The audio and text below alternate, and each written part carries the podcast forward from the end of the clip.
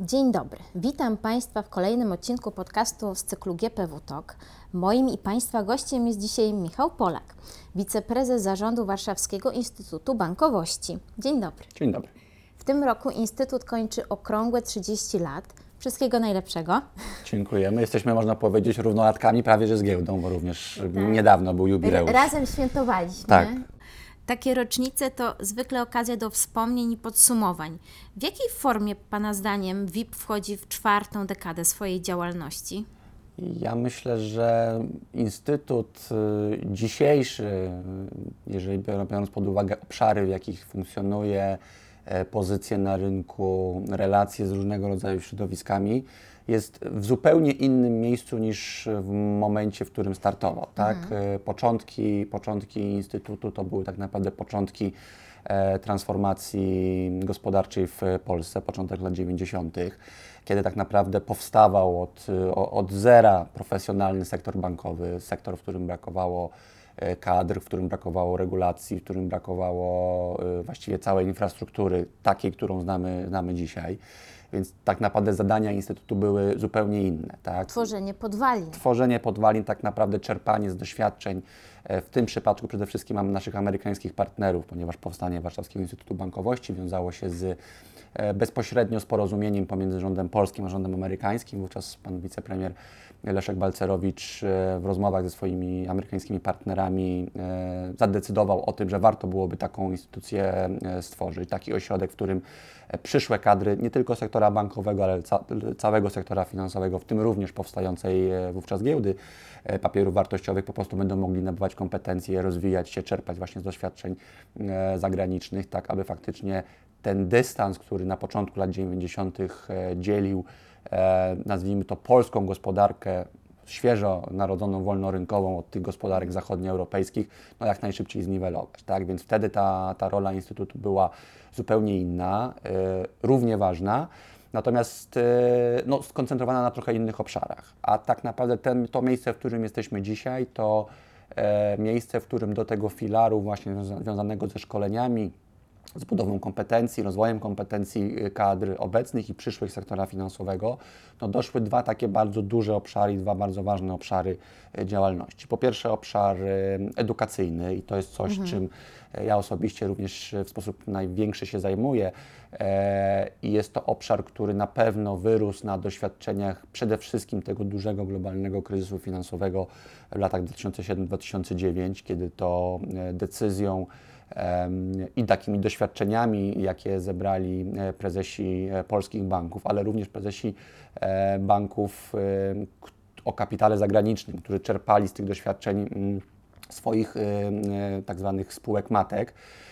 Wiemy, że w polski sektor bankowy ten o, okres kryzysu 2007-2009 przeszedł stosunkowo suchą stopą, ani złotówka z budżetu nie była potrzebna na to, aby ratować polskie banki, w przeciwieństwie do tych banków zachodnioeuropejskich. Niemniej no, to była taka lekcja dla całego sektora globalnego, sektora bankowego, że e, no jednak kwestia poziomu wiedzy finansowej, poziomu wiedzy ekonomicznej klientów, zarówno klientów indywidualnych, ale także klientów em, przedsiębiorstw i, i- bardziej złożonych em, tutaj, nazwijmy to, mm, klientów właśnie, e, no jest na tyle ważnym elementem, że po prostu trzeba to zacząć e, wspierać, tak? trzeba to zacząć rozwijać, trzeba zacząć e, o to dbać. I na kanwie tego zaczęły stopniowo powstawać pierwsze projekty edukacyjne.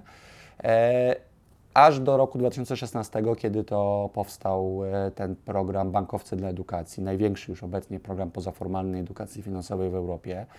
E, Program, który powstał z inicjatywy Związku Banków Polskich, ale przy udziale finansowym, merytorycznym w zasadzie największych polskich banków. A ile banków bierze udział w tym W projekcie? tym momencie jest to około 10 banków. Mówię około, bo oczywiście te, te proporcje się delikatnie korygowały na przestrzeni lat, natomiast są to tak naprawdę e, no, wszystkie największe banki, które są akcjonariuszami e, dwóch firm infrastruktury bankowej, czyli Biura Informacji Kredytowej i Krajowej Izby Rozliczeniowej.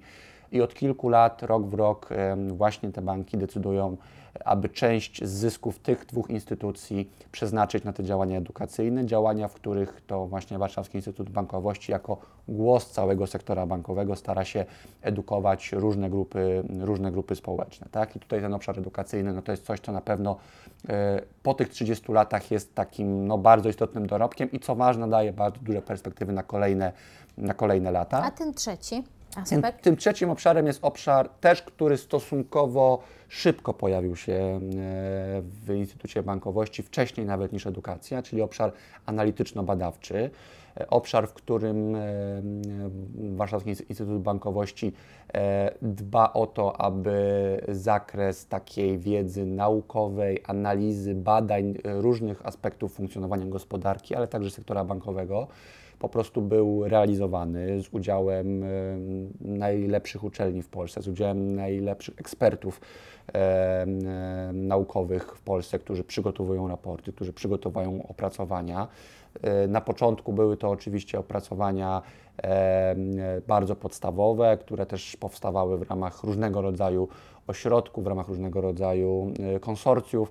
Dzisiaj mówimy także już od kilku lat o dużym programie analityczno-badawczym Warszawskiego Instytutu Bankowości, który jest realizowany we współpracy z, właściwie ze wszystkimi czołowymi ekspertami w różnych obszarach cyberbezpieczeństwa, e, zielonej transformacji, gospodarki, e, bankowości elektronicznej i rocznie powstaje kilkadziesiąt raportów w tym zakresie, które również są wzmacniane dodatkowo takimi spotkaniami analitycznymi w formule webinarów. E, No i ten cały dorobek naukowy, ten cały dorobek ekspercki jest taką wiedzą insiderską, wewnętrzną dla e, przedstawicieli średniego i wyższego szczebla e, sektora bankowego. E, Właściwie co miesiąc e, przynajmniej jeden, jak nie więcej raportów trafiają na, biur, na biurka prezesów polskich banków, tak aby mieli oni bieżącą, bieżącą wiedzę na temat uwarunkowań, wyzwań i różnego rodzaju zagrożeń, które mogą być związane z, no, z tym wszystkim, co nas otacza. Tak jak Pan wspomniał, Instytut realizuje wiele inicjatyw edukacyjnych.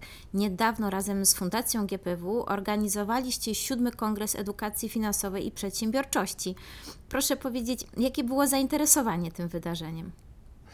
E, tak, faktycznie jesteśmy na świeżo po, po, po siódmym Kongresie Edukacji Finansowej i Przedsiębiorczości. Można powiedzieć, że ta siódemka przyniosła nam szczęście, mm, ponieważ tak naprawdę oczywiście bazujemy przede wszystkim na ocenach naszych gości, na, na ocenach tych osób, które e, albo w, formie, e, w roli prelegentów, albo w roli po prostu uczestników wzięli udział.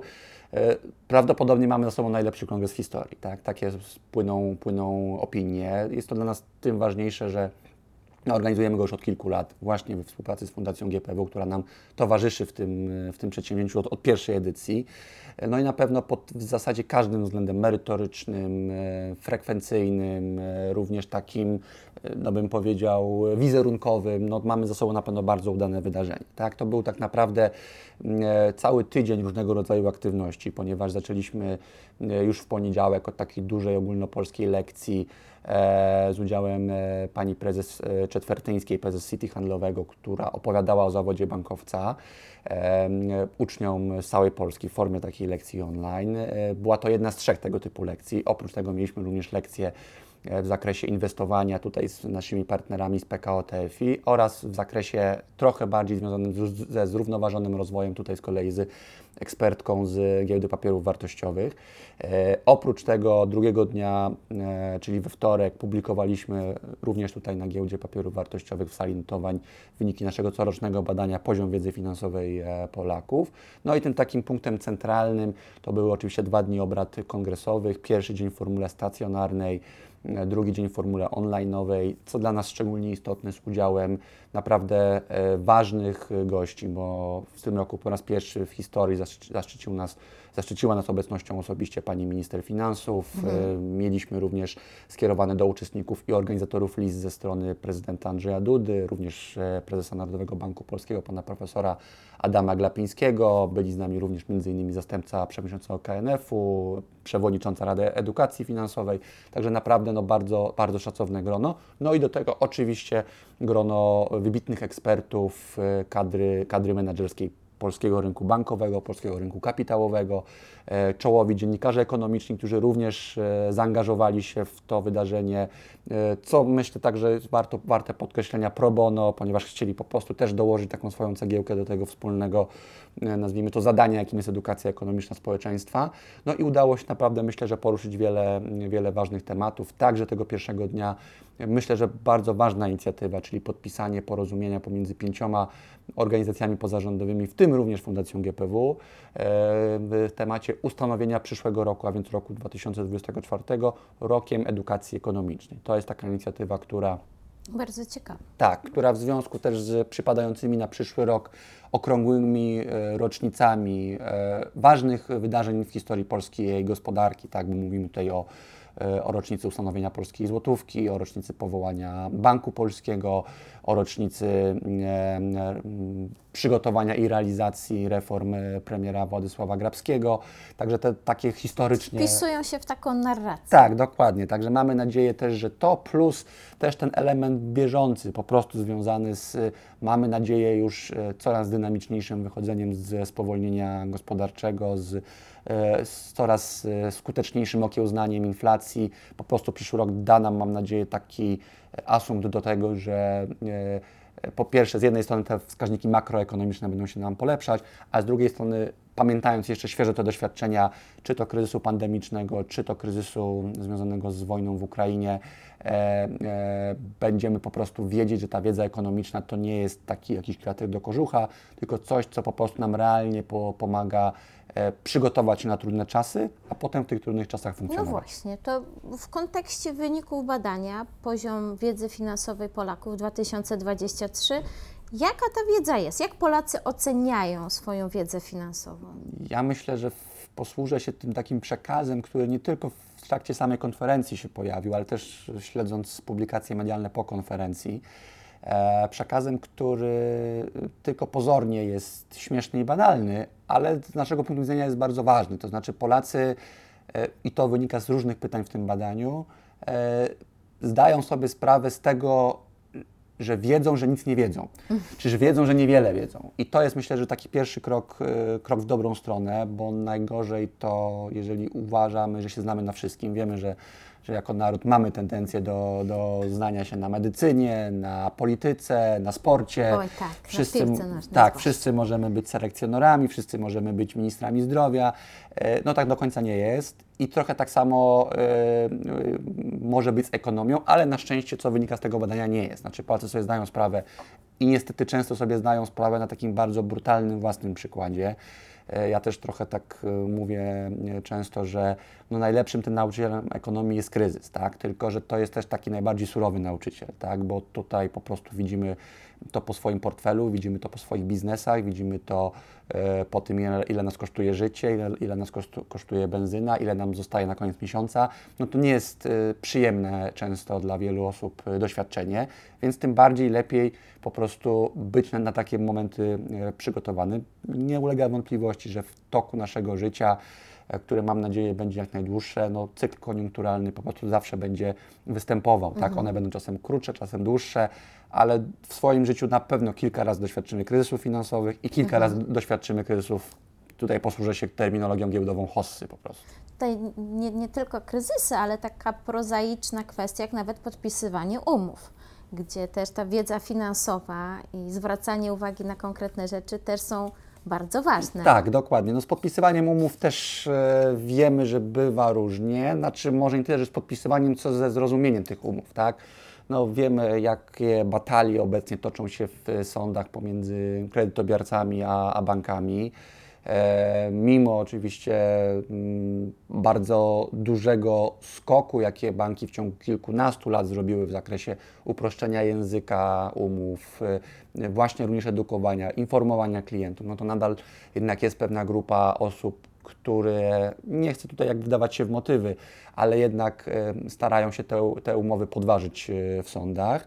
E, Także to jest ważne, aby bardzo dokładnie czytać umowy. To, co dla nas jest e, z punktu widzenia tego badania ważne, to to, że jednak e, jedna trzecia respondentów przyznaje, że bardzo dokładnie czyta, O. czyta umowy. Oczywiście jest to nadal deklaratywne, tak? więc na ile jest to w praktyce, no to pewnie musielibyśmy sprawdzić w innym, w innym badaniu. e, 43% przyznaje, że stara się czytać dokładnie. Natomiast no, stara się czytać dokładnie to już nie jest odpowiedź, która nas, nas do końca satysfakcjonuje, satysfakcjonuje, bo wiemy, że jeżeli chcemy sobie zostawić nawet w życiu pewną furtkę e, tego, że nam coś nie wyjdzie, no to mówimy często, że no będziemy się starać jak najlepiej, czy będziemy się starać, żeby, żeby się to udało. Tak? A jak no, wyjdzie, to wyjdzie. Tak, starania są bardzo ważne, bo to jest taki punkt wyjścia, natomiast no jednak ważne, żeby ta pewność przy tym podpisywaniu umów była, była o wiele większa. Tak? I zresztą to nie, nie, nie tyczy się tylko umów z instytucjami finansowymi, to się tyczy, nie wiem, chociażby umów, e, e, gdzie podpisujemy umowę o abonament na telefon, żeby wiedzieć na, na jaki czas podpisujemy tą, tą umowę, w jaki sposób możemy ją wypowiedzieć.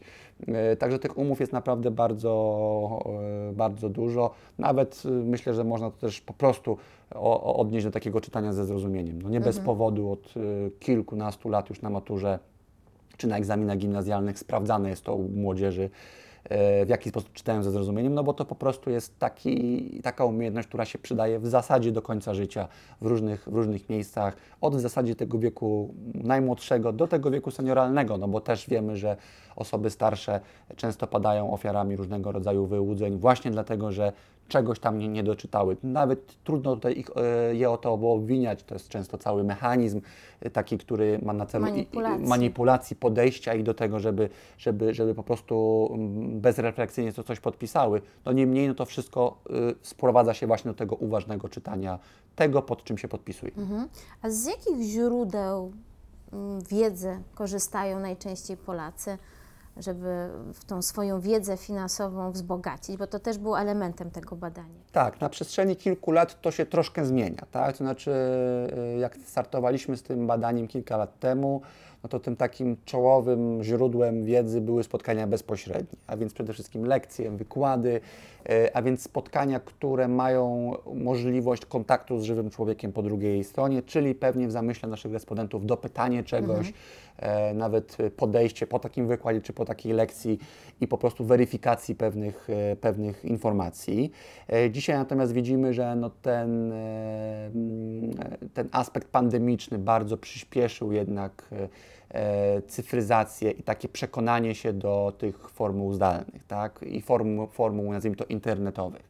Zdecydowana większość naszych respondentów e, zaczyna preferować właśnie takie krótkie internetowe formy, jak filmy edukacyjne, jak infografiki, a więc generalnie rzecz biorąc, wszystko to, co przemawia do nich w formule obrazkowej, formule skrótowej, formule dźwiękowej, ponieważ tam też się pojawiają między innymi podcasty, między innymi materiały wideo, e, a więc takie elementy, które no, mają na celu podanie w bardziej strawnej formie, no, trudną materię, jaką jest ekonomia, tak? Więc to, to jest coś, co, co się pojawia w pierwszej kolejności. Natomiast też, co dla nas z punktu widzenia rynku bankowego jest istotne, czy w ogóle mówiąc rynku finansowego, to jednak to, że mm, gdzieś tam czwartym czy piątym źródłem e, wiedzy też są same ins- instytucje finansowe, tak? A więc Tutaj Wasza rola. E, Nasza rola, ale też myślę, że rola też e, ogólnie rzecz biorąc szeroko rozumianych doradców finansowych. Tak? Mówię oczywiście o tych profesjonalnych doradcach finansowych, nie tylko o pracownikach banków, ale też właśnie e, różnego rodzaju doradcach inwestycyjnych, tych wszystkich osób, które mają na to, e, mówiąc kolokwialnie, papiery, że po prostu mogą i powinni w sposób rzetelny i uczciwy doradzać swoim, e, swoim klientom, czy tym osobom, które się do nich o taką pomoc zwrócą, no ponieważ to jest coś, co się opiera w bardzo mocnym stopniu o, o zaufanie. Tak? Wiemy, że w różnych badaniach różnie z tym wygląda, natomiast fakt faktem jest nadal, że jednak to zaufanie do sektora finansowego nie jest tak niskie, jak e, często próbuje nam się to wmówić, ale też na pewno nie jest aż tak wysokie, jakie byśmy sami chcieli, tak? To Znaczy, aby, faktycznie e, nikt nie podważał tego, że bank jest instytucją zaufania publicznego, że powierzając e, pieniądze e, bankowi możemy być o te pieniądze spokojni, że w każdej chwili będziemy mogli te pieniądze podjąć. Tak przecież jest. E, To gwarantuje bank, ale to gwarantuje także chociażby Bankowy Fundusz Gwarancyjny. E, Także tutaj ta taka wzajemna, wzajemna relacja pomiędzy klientem a instytucją finansową, no jednak właśnie opiera się też właśnie o te kwestie z za- zaufaniem. No i tutaj widzimy też poprzez wskazywanie właśnie instytucji finansowych jako źródło, że jednak nasi respondenci, czy patrząc szerzej Polacy, chcą e, ufać i chcą czerpać wiedzę właśnie z instytucji finansowych. Wspomniał Pan tutaj o, o internecie, o przekazach medialnych. z których no, w bardzo dużym stopniu też korzystają Polacy i nie tylko jeśli chodzi o poszerzanie swojej wiedzy. Więc ciekawi mnie, jaka Pana zdaniem jest rola mediów e, w poszerzaniu i krzewieniu wiedzy finansowej? E, Ja myślę, że też akurat e, o to konkretnie pytaliśmy w zeszłorocznym badaniu. W tym roku tego pytania nie powtarzaliśmy, natomiast pamiętam, że wyniknęło z tego jednoznacznie, że Polacy uważają, że w pewnym zakresie nawet edukacja ekonomiczna to jest wspólne zadanie mediów i sektora finansowego. Oczywiście wiemy, że mm, na jednej e, szali mamy, mm, e, mówiąc wprost, e, interes, zysk biznesowy instytucji finansowej, instytucji, która, której po prostu celem jest przynoszenie zysków, zy- zysków swoim akcjonariuszom.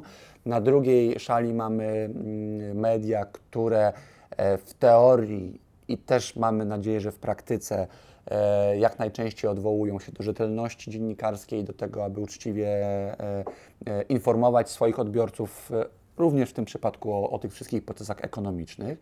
E, I to myślę, że w jakimś zakresie udaje się wspólnie wypełniać. Znaczy, my mamy w Polsce e, grupę niewielką, bo ta grupa jest nadal niewielka, nad czym ja jako przedstawiciel sektora boleję, e, ale również jako absolwent dziennikarstwa, e, grupę dziennikarzy ekonomicznych, e, którzy od wielu, wielu lat śledzą to, co się dzieje w, w sektorze i naprawdę dysponują bardzo szeroką wiedzą. Tak? I można powiedzieć, że są w pewnym zakresie naszymi sprzymierzeńcami w tym zakresie edukacyjnym. To oczywiście nie znaczy, że to są osoby, które e, jak często też można w takich anonimowych dyskusjach e, przeczytać czy usłyszeć na, na pasku banków czy na pasku instytucji finansowych. Tak nie do końca jest. Znaczy to są, mówię o tych dziennikarzach, którzy naprawdę od wielu, wielu lat e, funkcjonują w środowisku, są utytułowani różnego rodzaju nagrodami i od or- organizacji konsumenckich, i od organizacji branżowych i naprawdę wspierają bardzo mocno ten proces edukacyjny.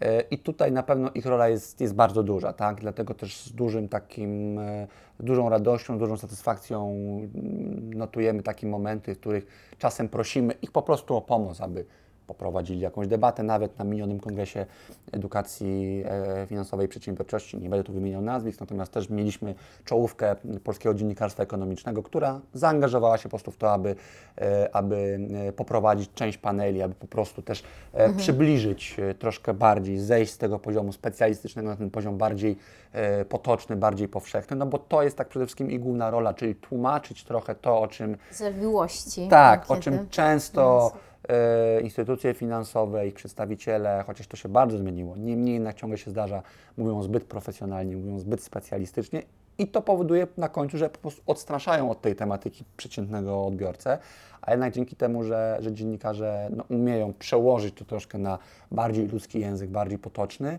no to też są naszymi w tym zakresie sprzymierzeńcami, że, że, że wiele trudnych problemów umieją, umieją, umieją wyjaśnić w sposób, e, w sposób prosty.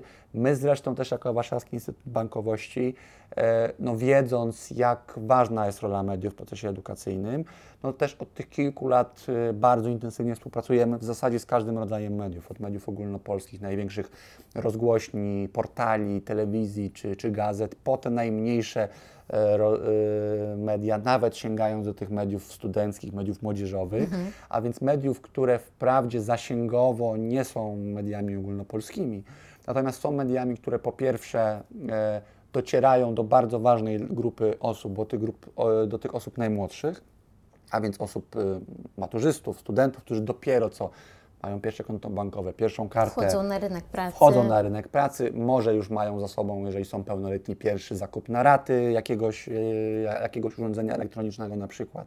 Czyli są teoretycznie w takim najlepszym wieku do tego, aby poznawać te tajniki e, wiedzy, wiedzy finansowej i my tutaj za pośrednictwem m.in. Ogólnopolskiego Forum Mediów Akademickich, naszego jednego z projektów, w którym również e, bardzo, bardzo blisko współpracowaliśmy w ubiegłym roku z Giełdą Papierów Wartościowych, e, docieramy właśnie do, do młodych osób, ale także dzięki temu, że współpracujemy z tymi mediami, no to współpracujemy, mamy nadzieję, z potencjalnymi przyszłymi e, dorosłymi dziennikarzami ekonomicznymi, dorosłymi specjalistami od komunikacji, od PR-u, od marketingu, a więc osobami, które będą tworzyć wizerunek z jednej strony, ale też będą tworzyć no, ten przekaz, tak? czyli to, co punktu widzenia teorii komunikacji społecznej jest najważniejsze, na- najważniejsze czyli ten przepływ informacji pomiędzy wszystkimi interesari- interesariuszami e, rynku e, na tematy właśnie związane z ekonomią. I już widzimy po tych kilku latach realizacji tego projektu, że pierwsze osoby, które jeszcze 5-6 lat temu przyjeżdżały do nas na, na konferencję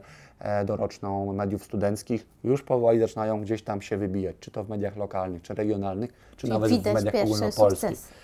Tak, ale myślę, że przede wszystkim to są ich sukcesy, bo my sobie że tak powiem, tutaj tego nie chcemy przypisywać, że to jest nasz sukces. My raczej postrzegamy to, że dajemy pewnego rodzaju wędkę, którą, którą jeżeli tylko dana osoba chce podchwycić i uznaje, że pośród wielu możliwych y, ścieżek dziennikarskich, czy patrząc szerzej właśnie ścieżek w obszarze komunikacji społecznej, wybiorą sobie właśnie tą na przykład związaną z dziennikarstwem ekonomicznym, która jest nadal w Polsce niszowa, ale to też jednocześnie sprawia, że ta konkurencja jest dużo Jasne. mniejsza, więc my też zachęcamy do tego, żeby jednak, e, no wiadomo, fajnie jest być dziennikarzem sportowym, fajnie jest być dziennikarzem lifestyle'owym, fajnie jest być dziennikarzem politycznym, ale tym dziennikarzem ekonomicznym myślę, że również e, jest być e, ciekawie, choć na pewno nie jest to łatwy, łatwy kawałek chleba. Mhm. No, trzeba mieć merytoryczny backup, jeżeli faktycznie ta, ta rzetelność dziennikarska ma być zachowana. Dokładnie. To widać, że edukacja finansowa jest poważnym wyzwaniem, ale jakie są inne wyzwania, jakie Pan widzi na, na, na przyszłość dla Instytutu? Ja myślę, że tak naprawdę mm, wyzwania troszkę mm, całe, całej gospodarki na- znajdą odbicie w działaniu Instytutu. To znaczy, tak jak powiedziałem na początku, e, na początku lat 90. te wyzwania gospodarcze, jeszcze nawet nie sektorowe, ponieważ wówczas- ciężko było mówić o, o sektorze bankowym, dopiero o, o, rodzącym się rynku bankowym czy kapitałowym, no były zupełnie inne niż dzisiaj. Tak? Dzisiaj jesteśmy w obliczu na pewno bardzo dużych wyzwań e, takich rozwojowych, gospodarczych, e, związanych no, przede wszystkim z wyjściem z, tego spowolnienia gospodarczego, w którym, w którym jesteśmy.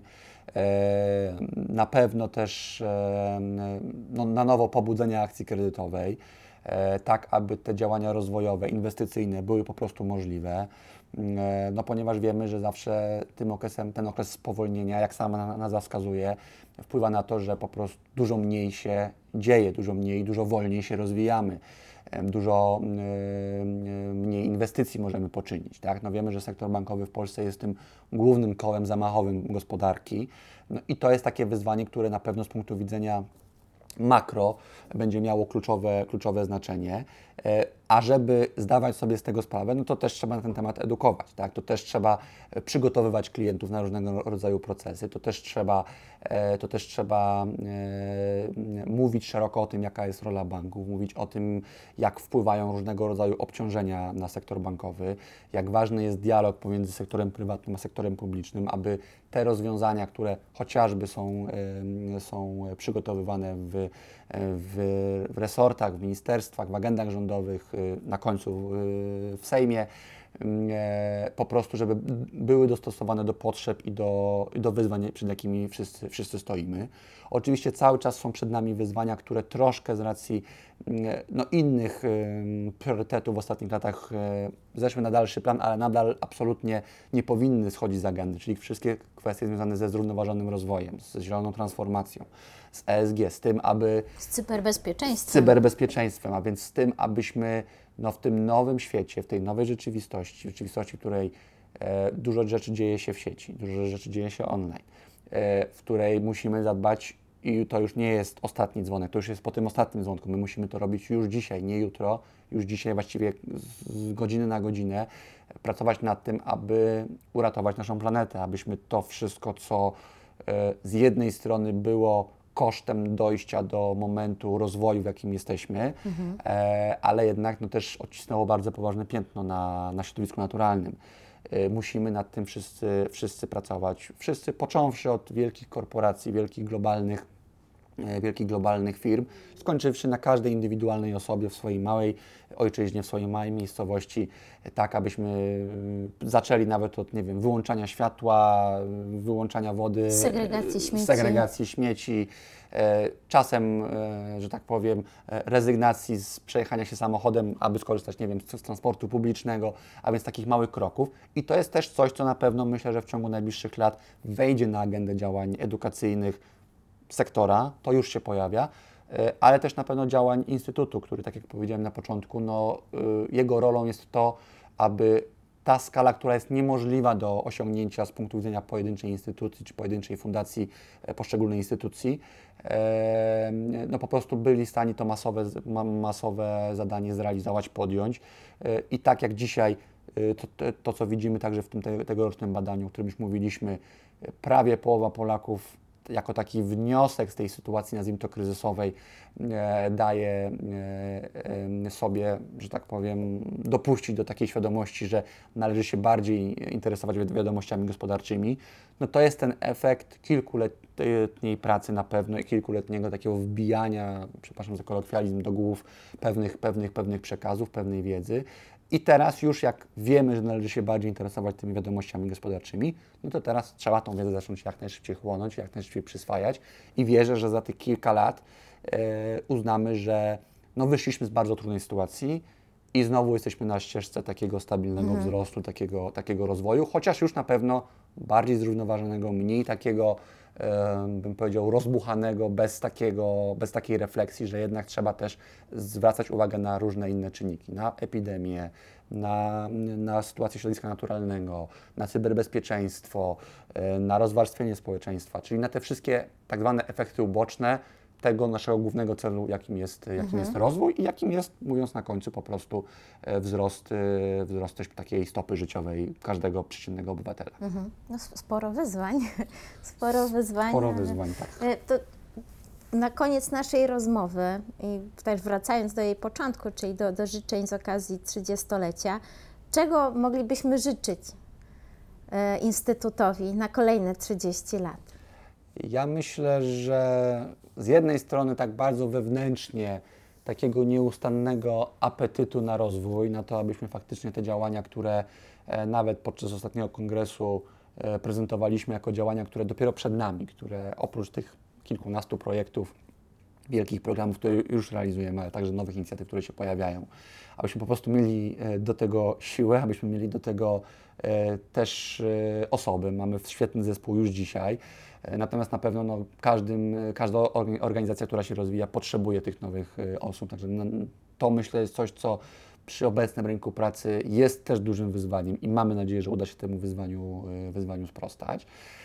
Jeżeli tak patrzeć trochę bardziej szerzej, to na pewno myślę, że życzmy sobie, aby ta dynamika zmian była troszkę mniejsza. Tak? Wiem, że ut- utarło się takie teraz sformułowanie, że życie jest zmianą, że zmiana jest taką immanentną ce- cechą naszego funkcjonowania prywatnego, również zawodowego. E, I pewnie tego nie zmienimy, natomiast starajmy się mieć te zmiany pod troszkę większą kontrolą, troszkę lepiej na nie reagować, troszkę szybciej na nie reagować, no i jednak też umieć właśnie z większym wyprzedzeniem je, je po prostu przewidywać, bo myślę, że jednak mm, e, no, te czasy obecne, obecne są zbyt szybkie. Tak? Widzimy to też po, po kondycji psychicznej e, osób, po kondycji psychicznej pracowników, po kondycji psychicznej na, naszych bliskich, że jednak no, tych ostatnich kilkanaście lat bardzo dużego skoku cywilizacyjnego, który zrobiliśmy jako, jako kraj, jako naród, ale też myślę, że jako Ludzkość. jako ludzkość, no bardzo dużo nas kosztowało, tak? I myślę, że e, ten work-life balance to nie jest taki wyświechtany slogan, tylko to jest coś, co powinno nam na pewno przyświecać, a my jako Warszawski Instytut Bankowości obiecuję, że dołożymy wszelkich starań do tego, abyśmy e, e, byli jako klienci, jako konsumenci, jako obywatele uzbrojeni w jak najwięcej takich kompetencji, jak najwięcej wiedzy, e, umiejętności patrzenia na otaczający nas świat, nie przez różowe okulary, e, nie przez czarno-białe okulary, ale przez takie realistyczne spojrzenie na, na świat, abyśmy jednak e, nie ulegali populizmom, abyśmy nie ulegali e, takim koncepcjom bardzo e, przyjemnym dla ucha, ale zupełnie niemożliwym do realizacji, tak? I temu myślę, że służy też edukacja ekonomiczna, abyśmy z jednej strony byli wyposażeni wewnętrznie w takie instrumenty, które pozwolą nam zadbać o, o nas, o naszych bliskich, y, o ich sytuację finansową, materialną, y, być przygotowanymi na różne trudne sytuacje y, i umieć wspólnie, razem z całą gospodarką z takich trudnych sytuacji wychodzić, e, ale z drugiej strony też, aby, e, aby jednak no, mieć gdzieś tak z tyłu głowy, że żaden człowiek nie jest samotną wyspą, tak? Bo myślę, że to jest ważne. Może jest to górnolotne, może jest to naiwne, może jeszcze to bardzo brutalnie zweryfikuje życie takie podejście, ale ja jednak wierzę, że, e, że ludzi dobrej woli jest więcej, jak, cytu, jak, jak, jak, jak śpiewał kiedyś klasyk i, e, i na końcu uda nam się jednak ten świat, mówię tutaj już też jako przedstawiciel tego troszkę młodszego pokolenia, zbudować na nowo i zbudować tak, że nasz, nasze dzieci, nasze wnuki będą mogły funkcjonować w świecie e, troszkę przyjaźniejszym, niż my obecnie musimy, Oby. musimy funkcjonować. I Oby. tego bym sobie i wszystkim, wszystkim nam życzył. Bardzo dziękuję też za te życzenia i podpisuję się obiema rękami pod nimi, bo to nie tylko dla Instytutu, ale dla nas wszystkich e, Dokładnie. taka wizja by się przydała. Michał Polak, wiceprezes zarządu Warszawskiego Instytutu Bankowości, był moim Państwa gościem. Zachęcam do śledzenia inicjatyw Instytutu, do wchodzenia na strony, bo faktycznie edukacyjnych em, i badawczych znajdą tam Państwo co niemiara. Dziękuję serdecznie za rozmowę i zapraszam na kolejne odcinki z cyklu GPW Talk. Dziękuję bardzo.